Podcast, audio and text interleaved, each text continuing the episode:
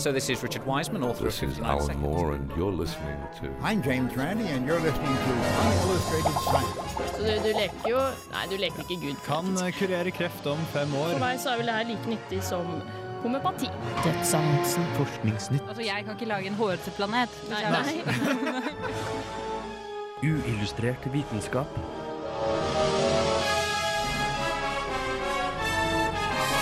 Science, it works, bitches. Høsten er sesong for vitenskapelige prisutdelinger. Også her i Uillustrert vitenskap. Vi har allerede tatt for oss slike priser i det siste. Noen mer seriøse enn andre. Men skal i dag rette vår oppmerksomhet mot årets nobelpriser. Fysikk, medisin og kjemi blir altså temaet den neste timen, der du også vil høre om epilepsi og få nok et møte med vår favorittorganisme, slimuggen.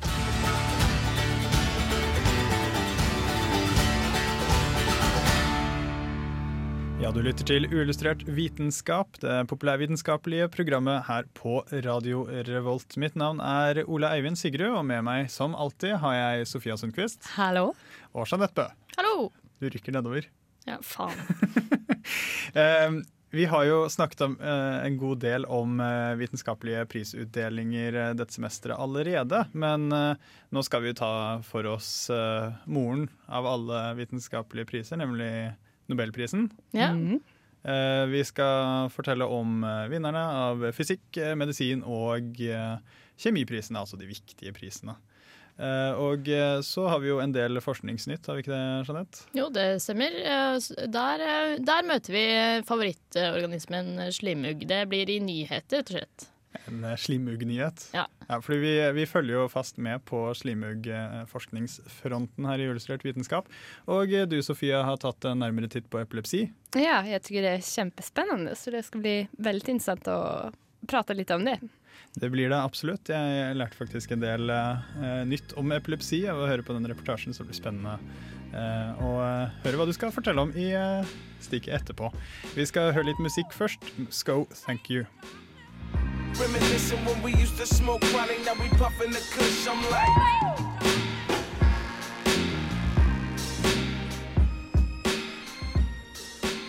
Radio Revolt. Et år har gått. Välkomna till den här presskonferensen där vi ska presentera årets Nobelpris i fysik. Ja, jag heter Staffan Nordmark, jag är ständig sekreterare här vid Kungliga Vetenskapsakademin. Årets fysikpris handlar om växelverkan mellan ljus och materia. Kungliga Vetenskapsakademin har idag beslutat utdela 2012 års Nobelpris i fysik till professor Serge Arosh och professor David J. Wineland. Akademins motivering lyder för banbrytande experimentella metoder som möjliggör mätning och styrning av enstaka kvantsystem. Ja, der hørte vi et lite klipp fra pressekonferansen eh, der de annonserte hvem som vant eh, Nobelprisen i fysikk. Det var da, som han sa, Serge Haroche og eh, David J. Wineland for sin grensesprengende eksperimentelle metoder for å måle og manipulere individuelle kvantesystemer. Eller da individuelle partikler, på måter som bevarer partikkelens kvantemekaniske egenskaper. Kjempeflott Hva var det godt for. Nei, det har jo seg slik at eh, klassisk fysikk gjelder jo ikke for, eh, for enkeltpartikler. Eh, når man kommer ned på et så lite nivå, så er det kvantefysikk som gjelder. Så har det seg dessverre slik at enkeltpartikler de er jo fryktelig vanskelige å isolere. Så har de den der leie tendensen til å miste de mystiske kvantemekaniske egenskapene med en gang de samvirker med omgivelsene. Som så innen eh, kvantefysikk da, så har man jo fryktelig mange snodige fenomener eh, som blir eh, forutsett av kvantefysikk. De predikerer dem, eh, men de kan jo ikke observeres direkte. Dette har jo ført til at det finnes veldig mange sånn tankeeksperimenter og sånn innen kvantefysikk. Og at det har blitt ja, ansett som helt OK å bruke kvantefysikk uten å forstå det. Fordi hvem er det som kan forstå dette her, egentlig? Eh, som da har munnet ut i eh, det fantastiske slagordet 'shut up and calculate'. Altså ikke, ikke bry deg om å prøve å forstå hva som skjer, bare regn på at det funker. Um, ja, så det, det, er vel det det er godt for. da. Så Før så hadde man kunne se at ja, man har noen atomer, og så visste man at noe magisk skjedde, fordi etterpå så kunne du se at det var decay-produkter. Uh, og litt sånn som på CERN i LHC, så uh, slenger de sammen disse to partiklene. Uh, men det skjer jo, altså de er jo så små, det skjer så fort osv. at du kan ikke se nøyaktig hva som skjer der.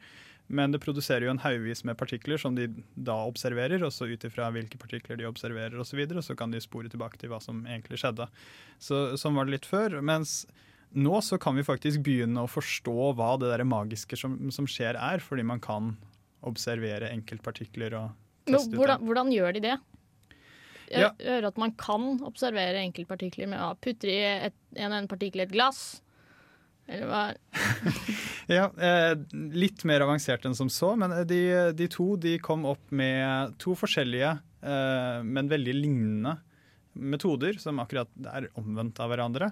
Han eh, Wineland han eh, utviklet en metode der han fanger ladde partikler, altså atomer eller ioner, eh, og kontrollerer og måler dem ved hjelp av lyspartikler, fotoner. Mens Arosh han fanger fotoner og kontrollerer og måler dem ved å sende atomer gjennom denne fotonfellen. Ja, men hva, hva er det vi skal bruke det til? Nei, eh, Det må jo være noen nytteverdi i det her. ja, eh, det er jo eh, absolutt nytteverdi. For det første så er dette første steg mot eh, kvantecomputere, som eh, vi har snakket litt om eh, her i Illustrert, og du har prøvd å forklare. Eh, Jeg burde bare sagt det deg, datamaskin- ja, Kjempesupre datamaskiner som eh, er på vei. Eh, I tillegg, som alltid når det kommer gjennombrudd innen kvantefysikk, så skal man bruke dette til å utvikle ekstremt nøyaktige klokker.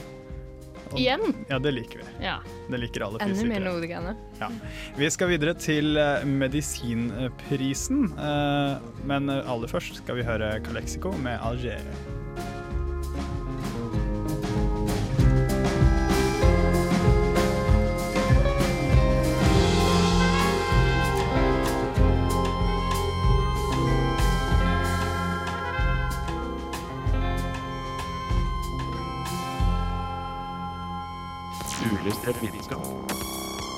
Radio Revolt. This is Charles L. Bennett from Johns Hopkins University. Science, it works, bitches. The Nobel Assembly at Karolinska Institute has today decided to award the Nobel Prize in Physiology or Medicine 2012 jointly to John B. Gurdon and Shinya Yamanaka for the discovery that mature cells can be reprogrammed to become pluripotent. Der hørte vi også et eh, klipp fra pressekonferansen eh, som da kom frem til at John B. Gurdon og Shinya Yamanaka vant eh, Nobelprisen i medisin i år eh, for deres oppdagelse av at eh, modne celler, og ikke da kun embryonske, eh, kan bli reprogrammert til å bli eh, såkalt pluripotente stamceller, altså celler som kan bli til enhver type celle i kroppen. Mm. Kjempeinteressant. Det er kjempekult. Hva gjorde de for å opptekke dette, da? Nei, øh, det var jo kanskje det mest spennende. Det begynte i 1962. Da gjorde Gurdon et utrolig kult, øh, ganske elegant eksperiment. Det tok han et froskeegg. Så erstattet han cellekjernen av dette froskeegget med en moden nyrecellekjerne fra en frosk. Eh, og så viste det seg at eh, denne eggcellen, til tross for at eh, cellekjernen kom fra en nyrecelle, utvikle seg til et helt vanlig rumpetroll. Mm. Så det viste jo at DNA i spesialiserte celler fortsatt inneholder all informasjon som trengs for å danne andre typer celler, og at cellespesialisering, eh, eller celledifferensiering, eh, var reversibelt, eh, altså avskrudde gener kan skrus på. Så var det jo også han eh, Yamanaka eh, som eh, også fikk denne prisen. Det han fikk prisen for, skjedde i 2006. Han ble faktisk født samme år som Gurdon begynte det eksperimentet som han vant prisen for. Så litt aldersfor aldersforskjell der. Han viste jo da at genetisk modifisering kunne reprogrammere modne museceller til pluripotente stamceller. Og eh, det som var så utrolig eh, stort med dette, var jo at det viste at det var langt enklere enn det man tidligere hadde trodd. Fordi da siden 60-tallet så hadde man jo visst at dette her skulle være mulig. Men han viste jo da at det var kun fire gener i eh, denne musecellen som måtte forandres for at det ble en pluripotent stamcelle. Så det er jo absolutt et stort gjennombrudd. Mm. Så vil vel antagelig alle lyttere også huske den vanvittig hete stamcelledebatten som Ja. pågikk eh, utover 90-tallet og ja, helt frem til eh, faktisk litt etter 2006. Jeg husker den i hvert fall veldig godt. eh, fordi det var jo veldig mange som syntes det var spesielt uetisk da, å hente stamceller fra embryoer. Mm. Og eh, endte jo også med at eh, president Bush forbød produksjon av flere embryonske stamcellelinjer på et punkt. Eh, men da det Han har gjort så mye bra, han fyren. Ja. spesielt for forskningen. Etisk korrekt. Ja. Eh, og mens den forskningen da, til Yamanaki som viste at det var kun fire gener som måtte til for å gjøre vanlige celler om til eh, stamceller, det bare avsluttet hele den debatten. Plutselig er det ikke noe debatt lenger, fordi vi trenges, trenger ikke embryoene lenger. Sånn eh, stort sett. Eh, Så er det jo også utrolig kult med tanke på at vi kan bruke da våre egne celler til å gro genetisk identiske stamceller. Mm. Tidligere har det jo vært innimellom snakk om at man da får stamceller fra nyfødte søsken, eller ja, eventuelt også må danne nye barn, f.eks. For, eksempel, for Ja. å ordne stamceller til, til søsken som er døende, f.eks. Eh, det trenger man ikke nå, eh, fordi vi da snart, eh, eller i fremtiden, antagelig da kan ta en enkel hudcelle eller noe sånt, og så kan man gjøre det om til akkurat de celletypene man har. Og så er det jo også dine egne celler, så det vil jo ikke være noe problem å Egenprodusert. mm, Ikke sant? Eh, nå må det jo da sies at eh, ja, teknologien er vel ikke akkurat her ennå. Nei, men vem vet hur snabbt det går. Så, og sånn pluripotent så er det vel ikke alle, alle, exakt alle typer av celler eh, som det kan bli heller, hva jeg forstår. Är väl, det kan vel bli de meste cellene, Mm. eh, men med visse begrensninger. Ja, det var vel eh, Altså, det kan ikke bli noen morkake, den type ting, tror jeg. Ja. Men jeg husker ikke helt hva det gikk ut på. Ja, nei, jeg tenker meg at det fins uh, omnipotenta celler også, og jeg vet, om man går et steg enda lenger tilbake, innan de blir pur, pluripotenta, så er de omnipotenta. Og da trenger vi en bror. Og da kan de bli enda litt mer. Eh, ja, så vi er kanskje ikke riktig der enn, men nära. Kommer vel snart. Eh, Som vanlig så tar det jo fryktelig lang tid eh, før det faktisk eh, blir anvendelig, men eh, det kommer nok eh, ganske snart. Eh, Vi skal videre til Kjemiprisen etter vi har hørt eh, At Devil Dirt med Don't Be Afraid.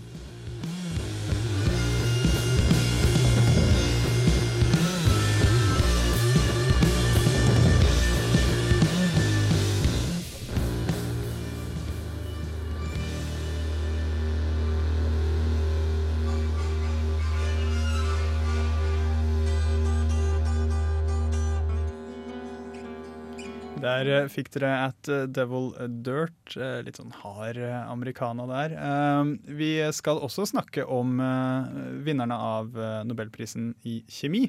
Men den pressekonferansen ble jo bare holdt for ja, noen timer siden. Det er eh, het, eh, hete nyheter. Eh, Vi er tidlig ute. Så jeg fikk ikke hentet ned noe lydklipp fra pressekonferansen. Men jeg kan jo da fortelle at vinnerne i, av Nobelprisen i kjemi er Robert J. Lefkowitz og Brian K. Kobilka. Eh, For deres eh, oppdagelser som avslørte hvordan en viktig gruppe cellereseptorer fungerer. Det er da snakk om G-proteinkoblede reseptorer. Og ah. Sofia, de som eh, har lest, lest om dette her Ja. eh, på skolen, hva jeg tror er dette? det der har vi lest oss galna på vi som er nede i klassen. Och, eh, det er jo en type av reseptor Ja, altså de, vi har mange ulike varianter av den der. Eller Om vi tar et eksempel. adrenalin går jo på de her reseptorene, då. Och det er en receptor som går igjennom cellmembranen. Så den fester til reseptorens receptorns yttersida så på innsiden så skjer det en endring, konformasjonsendring av denne reseptoren. som binder til et G-protein som er ja, en, en annen mekanisme. Den för videre da, signalen fra G-proteinet, påvirker et enzym som för videre signalen til en så kallad second messenger og så går in til cellkärnan och starter som en kaskad av reaktioner inne i cellen eh, som ja, leder til at du får produsert et protein eller ja, som leder til noe annet. en effekt inne i kroppen. Da. Og da har du ulike typer av receptorer så adrenalin verker jo på ulike sett om det fester seg på en receptor som sitter på hjertet eller kanskje på lungene. så får du ulike respons da. Så på så sett kan samme emne ge ulike effekter beroende på hvilken reseptor som den fester til. Så ja, det er en veldig viktig reseptor som vi har overalt i kroppen. Liksom. Så eh, ganske sentralt, altså. Um, jeg syns det var fryktelig spennende å lese om hvordan de, eh, ja, de oppdaget disse reseptorene. Fordi eh, det var fryktelig lenge så visste man ikke hvordan celler kunne da føle omgivelsene sine. Uh, man visste at hormoner hadde en sterk effekt, f.eks. adrenalin. Uh, så man mistenkte da at uh, celleoverflater hadde en type mottaker. Men uh, hva slags mottaker, hva den besto av, hvordan den virket og sånn, det visste man virkelig ikke. Uh, så i 1968 så tok han Lefkowitz Gjorde et annet fryktelig elegant eksperiment. Så det var da å koble jodisotoper, radioaktive jodisotoper, til forskjellige typer hormoner. Eh, og da ved å følge denne eh, radioaktiviteten, så fant han en rekke forskjellige reseptorer ved hjelp av den strålingen. Eh, og på 80-tallet så tok han Kobilka og joinet det research-teamet. Og han fikk da oppgave om å isolere genet som koder for en av disse reseptorene, adrenalinreseptoren. Uh, og da han klarte det, så la de merke til at den reseptoren den lignet uh, en reseptor man har i øyet, som fanger lys. Og den, ja, den likheten førte til at de oppdaget at det fantes da en stor familie med reseptorer som lignet hverandre og fungerer på samme vis. Og det var da G-protein-koblede reseptorer. Uh, så i ettertid så har man jo funnet ut at det er ca. 1000 forskjellige gener som koder for disse forskjellige reseptorene. Eh, som da ja, reagerer på da, lys, smak, fukt, nei, lukt, eh, adrenalin, histamin og eh, dopamin. så ganske sentralt. Eh, så ja, bare for å gi et lite inntrykk av hvor uh, viktig og stort gjennombrudd dette var, da, så kan man jo nevne da at uh, ca. halvparten av alle medisiner virker på en slik G-proteinkoblet reseptor. Det er stort. Absolutt. Mm. Uh, vi skal få mer forskningsnytt som ikke er Nobel-relatert, bl.a. en om slimugg etter vi har hørt efterklang med 'Dreams Today'.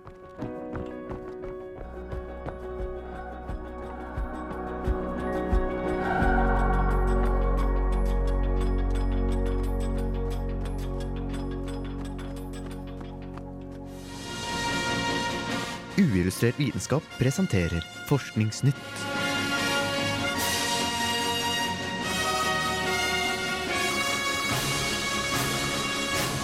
Forskningsnytt. Professor Mike Stillman ved Georgia Tech har nå fått støtte og tre år på seg til å lage en MacGyver-robot. Altså en robot som skal kunne ta i bruk tilfeldige objekter i nærheten og finne nytte for den. F.eks. skal den kunne finne et stålrør og finne ut på egen hånd at dette kan brukes som en vektstang, og eventuelt redde en stakkar som ligger klemt under noe tungt. Det første steget på veien sier Steelman at skal være å lage et algoritmebasert resonneringssystem som skal lære roboten å kjenne igjen objekter. Dette systemet skal de teste på en allerede eksisterende menneskelignende robot.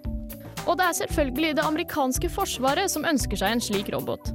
Og støtten på 900 000 dollar kommer fra dem.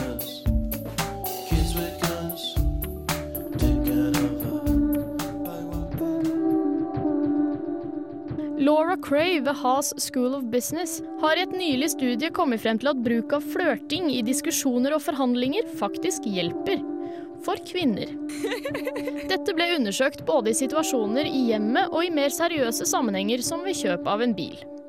Det viste seg at kvinner som uttalte at de brukte mye sosial sjarm i diskusjoner hjemme, ble rangert som de beste til å diskutere av sine partnere. Men da menn sa at de tok i bruk flørt i diskusjoner i hjemmet, hadde dette ingen effekt på deres partner. Da det kom til kjøp av en bil til 1200 dollar, fikk kvinnene som flørta med selgeren, visstnok 100 dollar avslag, mens de seriøse kvinnene måtte betale full pris. Cray sier at dette kommer av at flørting reflekterer attraktive egenskaper, som f.eks. god selvtillit.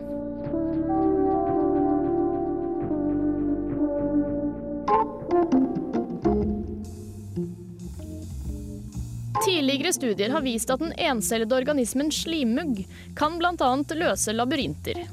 Nå viser et nytt studie fra universitetet i Sydney at dette levende slimet også har en hukommelse. Biologiforskere har funnet ut at slimmuggen, som for øvrig er hjerneløs, kan bruke sporet av slim den etterlater seg, som et hukommelsesverktøy. Dette fant de ut ved å teste hvorvidt slimuggen klarte å navigere rundt et hinder for å få tak i et agn. Dette både med og uten muligheten til å bruke slimsporene til å kjenne igjen hvor den allerede hadde vært.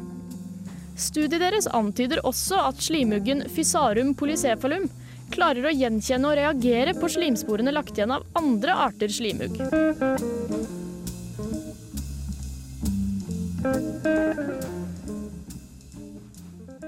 Der hørte vi da Forskningsnytt for uke 41, gitt til oss av uh, vår favoritt-forskningsnyhetsanchor uh, Jeanette Bø. Ja.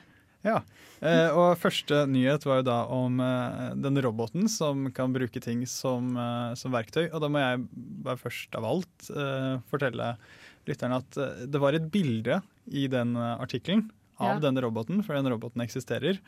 Det ser ut som tidenes ondeste Segway. Ja, fordi eh, om tre år eh, så får vi altså dette vidunderet på plass. Eh, er prognosen riktig?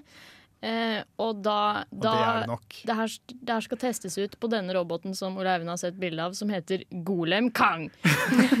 Det er et Som, eh, hyggelig navn. Ja, det er, det er en stor Segway uten hode og med svære armer, som skal hjelpe det amerikanske forsvaret med å hjelpe, flytte på ting, eh, vil jeg tro. Ved hjelp av ting som de finner på veien. Det var jo også et veldig betryggende bilde av, som da skulle vise at Golem Kang kan plukke opp en stang og bruke det som en vektstang for å få løs eh, en soldat som kanskje er fanget under noe tungt. Men så var det jo da en, eh, en i kommentarfeltet som påpekte at eh, det her var jo ikke særlig betryggende, fordi det så jo ut som han kostet gulvet med denne soldaten. Ja, det er Eh, så- veldig skremmende. Det kan gå galt, fordi eh, jeg syns det er veldig viktig at de lærer de til å kjenne igjen mennesker og programmere de til at det kan vi ikke bruke som verktøy. Så de ikke, så de ikke begynner å slukke branner med en person. Trenger et brannteppe. Han har på seg klær. ja. Ja. Men det her er jo egentlig noe jeg mistenker er enda en, en sak som ikke blir noe av. Tre år er veldig kort tid å finne opp en såpass lur robot, eh, egentlig. Ja, det er vel typisk sånn gi oss forskningsmidler, vi er klare om tre år. Og så etter tre år, ja nei, vi har den om tre år. Eh, Men, eh, men det er jo uansett eh, litt kult, da, fordi roboter tradisjonelt har jo vært gode til den oppgaven de er lagd til, men de har jo ikke noe kreativitet. Så å løse andre typer oppgaver har de vært ubrukelige til. Hvis man på en eller annen måte klarer å få roboter til å bli kreative, så er jo det dødskult. Og litt skummelt. Og litt skummelt. uh, ja. Så må man kanskje bygge inn en sånn sperre om at de aldri ser rundt etter våpen. Ja. Ja. ja, det får vi håpe. Ja, eh, Ser men eh, Terminator framför meg. Langt bort. ja, da må vi eh, få til den der eh, tidsreiseteknologien raskt, sånn at vi kan drepe da, de som lagde Kang. Nemlig. Ja. Ja. Eh, men eh, neste var jo litt, litt hyggeligere. Det var da om uh, flørting, eh, og at det kan være lønnsomt. Ja. Så hvordan testet de dette? Eh, jo, eh, da de skulle teste eh, hvorvidt man var bedre i diskusjoner i hjemmet, så Det var rett og slett bare en, en spørreundersøkelse. Hvor de, hvor de spurte, spurte både menn og damer eh, om eh, partneren deres var ganske flørtete, og om de var bedre i diskusjoner. Og da, da var det de flørtete damene igjen da, som eh, var best. Eh, ikke menn. Det har ingen effekt. Men kan det ikke der være Hvis det er selvrapportering, så Folk føler jo at flørting virker. Eh, hvis man ikke føler at det virker, så tenker man kanskje Da at da, flør, da flørtet jeg ikke. Ja. Så tror du ikke det kan være litt sånn ja, hvis folk forventer at flørting funker, fordi det forventer jo alle. Ja, jeg vil tro det. ja. Ja, nei, eh, men på bilkjøp eh, så, så testa de to forskjellige metoder. Eh, da, da, er, da skulle man se for seg at man skulle selge en bil eh, til 1200 dollar. Og så eh, var det to forskjellige kjøpere, da. Så kommer den ene er seriøs, eller det er, det er, det er den jeg kjenner meg mest igjen i, som, er, som sier 'hei, hyggelig å møte deg, hva er den beste prisen du kan gi meg på den bilen her'? De endte opp med å måtte kjøpe bilen til full pris, men da den andre type dame kommer inn eh, jeg, jeg legger til litt sånn tonefall, jeg prøver å spille, spille det her. Hi-hi-hi! Du er til og med enda mer hyggelig Sjarmerende enn på mail. Åh, hva er den beste prisen du kan gi meg på den her, da? Eh, de får 100 dollar avslag, og jeg er litt usikker på hvorfor. Men den flørtiga stemmen så Så det, var, det der var min flørtestemme. Ja. Eh, det her minner meg egentlig litt om et forsøk som Richard Wiseman skrev om i eh, selvhjelpsboken 59 Seconds, eller da, Ja. en bok om selvhjelp, om hva som faktisk eh, har litteratur bak seg som eh, funker. Da hadde jo litt om sånn pruting, hvordan få lavest mulig pris hvis du f.eks. skal kjøpe bruktbil. Da hadde han, henviste han til et forsøk som viste at hvis du prutter vanlig, eh, så får du på en måte den prisen på, på bilen. Men at selgeren er villig til å gå til en enda litt lavere pris hvis du sier ja, OK, da så gir jeg deg 5000 kroner f.eks., og med på kjøpet får du kjæledyrfrosken min. Uh, Ja. så ga det faktisk lavere pris. Og grunnen til det uh, var jo da at det var uventet og det var morsomt, så da lo man litt sammen. Og med en gang man har ledd litt sammen og på en måte fleipet litt, eh, så har man med en gang et litt forhold. Og da er man ikke bare sånn selger og kunde, men da er man villig til at bare ja, Ja, det er- nei, en grei kar, ja, gi litt lavere pris. Så det kan jo kanskje være litt av det samme Litt samme der. greia, at man, man, man lager et, et forhold på et vis. For dette her skal også fungere i, i arbeidslivet, rett og slett. At man eh, kan smiske seg til bedre stillinger og sånne ting. Det er det nok mange som har opplevd. Ja, og Det kan jo virke litt uh, useriøst, eh, men ifølge denne her forskeren, da, Cray, uh, så, så lenge flørten er leken og vennlig, så er det ikke useriøst. Men jeg trodde det var definisjonen på flørt. Leken og vennlig. og Det er ikke kjip og sur når du flørter. Nei, eh, kanskje ikke. Eh, vi skal over til noe som ikke flørter, nemlig eh, slimuggen. Og vi har jo tidligere rapportert at slimugg er vår favorittorganisme. Ja. Akkurat som kråke er vår favorittfugl. De, fordi de kan løse puzzles, som f.eks. labyrinter, og så kan de designe enda mer effektive nettverk enn tognettet i Tokyo. Yes. Men det har vært mer grensesprengende forskning på slimuggfronten. Ja, Fortell. eh, det var jo eh, forskere som eh, mistenkte at eh, slimmuggen kunne kjenne igjen sporene, slimsporene de la etter seg. Og, så da skulle de teste det ut. Da brukte de to forskjellige hindre. Ene hindre, det ene hinderet var forma som en Y, med mat på hver gren av Y-en. da. Og når man eh, la slim fra slimmugg mellom den slimmuggen som skulle finne maten, Sånn at det var slim overalt. Ja, det er bare et lite sted. Hvis du lar slim mellom der, eh, så valgte 39 av 40 slimugger å gå rundt slimet, for de trodde de hadde vært der før. Så da valgte de å gå, ta en annen retning. Og så testa de en med sånn U-forma, jeg er veldig glad i bokstaver, U-forma eh, hinder. Og da testa de med to forskjellige overflater som, eh, som eh, muggen skulle gå på, og det var det var en overflate som var helt vanlig, et bord eller noe sånt. Og så var det et, eh, en overflate som var eh, dekt med slim, som ikke kunne skilles så veldig godt fra slimug, slim. Så da var det helt fullt eh, av sånn slimspor. Eh, og da eh, På den vanlige overflaten så var det jo 96% av de som greide å finne maten, og det var på rekordtid! Det var på 120 timer! Jeg var litt skuffa jeg leste det, men altså, det skal være ganske kort tid. Ja, det var sånn i, i en petri dish, så Ja. avstanden var ikke lang. Nei. Eh, men det, det, det er bra resultater, det her, altså. Jeg undrer, hva er det for forskere som holder på med det her? De har det, de var det veldig ålreit. Eh, Det er jo veldig mange forskere. Det er mange som forsker på slimugg. Spesielt i Japan. Eh, Jeg hadde absolutt forsket på slimhugg hvis jeg kunne, og hadde anledningen til det. Fordi det er fascinerende organismer. Sp- Spesielt det at de, de da har en form for hukommelse, selv om de ikke har noe hjerne. Det er kult. Eh, Vi eh, skal eh, få høre om eh, epilepsi, for det har Sofia Sundquist tatt for seg etter vi har hørt Baroness med March to Sea.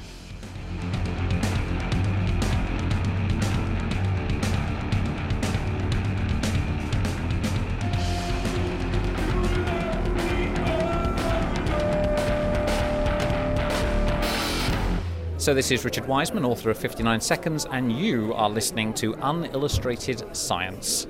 Enjoy.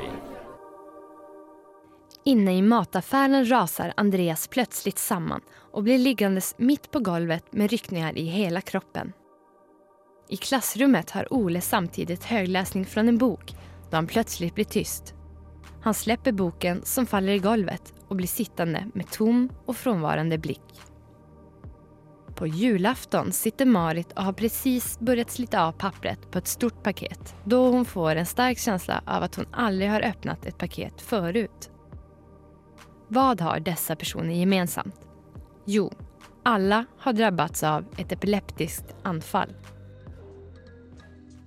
Albert Einstein, Thomas Edison, Alfred Nobel, Fjodor Dostojevskij, Charles Dickens, Napoleon, Caesar. Detta er bare et par eksempel av kjente personer som led av epilepsi. Vad er da epilepsi? Et epileptisk anfall er en betegnelse for en klinisk episod med neural dysfunktion forårsaket av plötsliga, episodiske, abnorma, autonoma, bioelektriske utladninger i cortex cerebri. Ha? Med andre ord, det sker en plutselig overaktivering av en grupp nervceller oppe i hjärnan. Vad innebär då detta? Hjärnan är komplex och den styr allt som sker i vår kropp och allting styrs genom elektriska impulser som skapar hjärnans neuroner. Ett epilepsianfall kan drabba alla delar av hjärnan och därför så kan även ett anfall manifestera sig på nästan vilket sätt som helst. De flesta som tänker på epilepsi tänker sig kanske en medvetslös människa som ligger på backen och skakar. Men ett anfall kan också innebära att till exempel få ett skrattanfall, en lyckokänsla eller en doftförnämmelse. Därför säger man idag att epilepsi inte är en utan många olika sjukdomar. Jeg eh, innser nå at jeg kjenner en lang rekke personer som da antagelig har epilepsi, fordi de plutselig bare slutter å følge med når jeg eh, sitter og snakker med dem. Du ser på meg? Kan bero på andre årsaker òg. Det kan kanskje være noe annet. Men eh, det virket jo fryktelig artig å få latteranfall. Da, som, altså, hvis du først har epilepsi, så virket jo ikke det så dumt. Nei, det kan ju skal, ganska hyggligt, eller hur? Men hvem er det som kan få epilepsi? Alltså i grund och botten så är det väl egentligen all, alla kan ju få epilepsi. Sen är det ju de som är mm, det är ju oftast de, en tredjedel av de som får epilepsi är de som har förändringar i hjärnan då. Som kanske har varit med om någonting som har ändrat hjärnans uppbyggning eller något som har påverkat stoffskiftet i hjärnan. Men eh, du kan ju ofta få, vem som helst kan ju få ett epileptiskt anfall. Och ofta är det ju om du har kanske sovit dåligt, du har varit ute och festat morgonen efter, du har druckit, hum, hungrig, stressad. Då kan du få ett anfall. Men då är det ju kanske inte det här latteranfallet då du får, utan då är det mer en kramp, krampanfall. Ja, for det er jo det jeg assosierer med epilepsi. Er det det vanligste? Altså de klassiske epilepsianfallene? Ja, den här stora när personen faller på backen. Först blir helt stel i kroppen, faller på backen och sen ligger där och rycker. Det är ju den vanliga och det är väl en tredjedel, eller om det var två tredjedelar, jag vet faktiskt inte. Men det är ganska många, stor del som får den då. Eh, Ja, men det er jo da fryktelig mange andre typer epilepsianfall. Altså Kan epilepsi eh, påvirke sånn alt i hjernen? Ja, den kan jo faktisk det. Og det er det som ikke så mange vet heller. For man deler ofte opp den men antingen har den her store, da, som hører til en generalisert anfall da det påvirker eh, store deler eller liksom både hjernehalvor, og ja, den her motoriske, då. Men sen har du ju anfall som påverkar bara en liten del av hjärnan eller som är en liksom fokal anfall.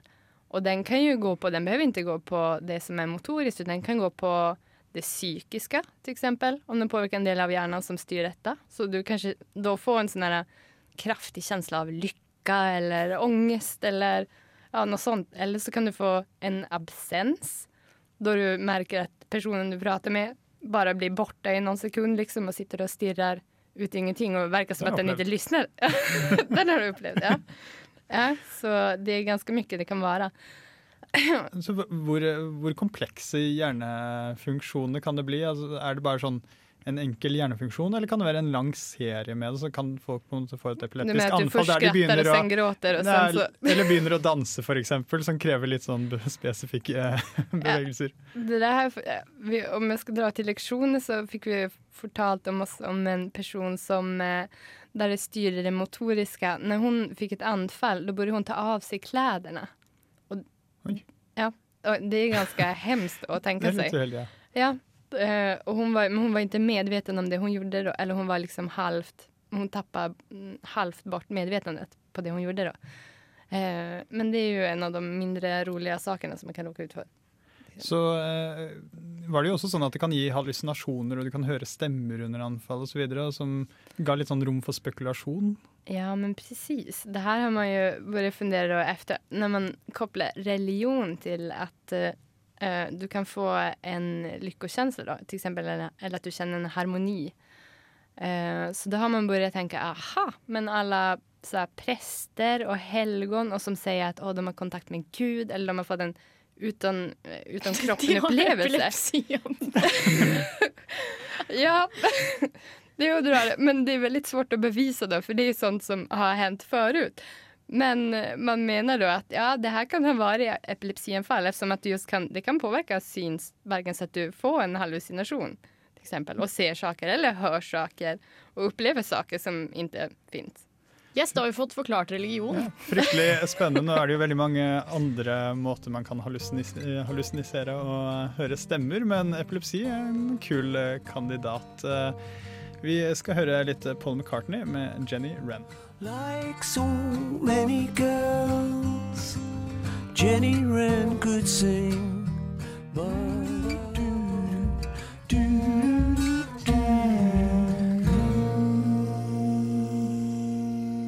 Fikk du en eh, gammel låt fra Paul McCartney, og eh, klokken nærmer seg fem med stormskritt. Så det betyr at vi eh, er eh, tom for tid her i Illustrert eh, vitenskap.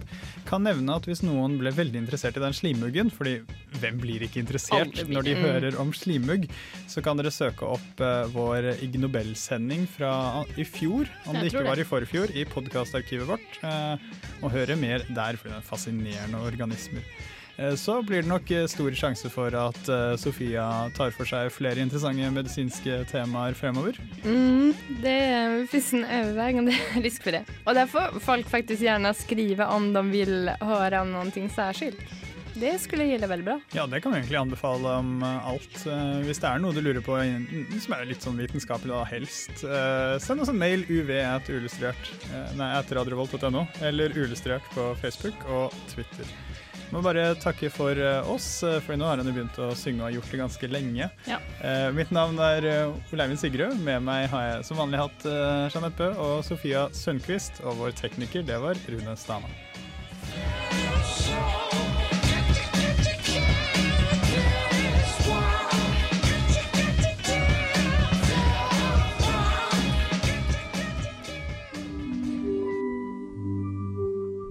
Uillustrert vitenskap er Midt-Norges eneste teknologimagasin på lokalradio. Og vi snakker om alt fra populærvitenskap til sære forskningsprosjekt ved NTNU. Radio Revolt, studentradioen i Trondheim, er stolt av å kunne presentere podkaster fra de aller mest populære programmene våre. Hvis du har lyst til å høre mer fra Radio Revolt, hvem vi er og hva slags musikk vi spiller, så kan du høre oss på FM-båndet i Trondheimsregionen, eller streame sendingene våre live på radiorevolt.no. Thank you.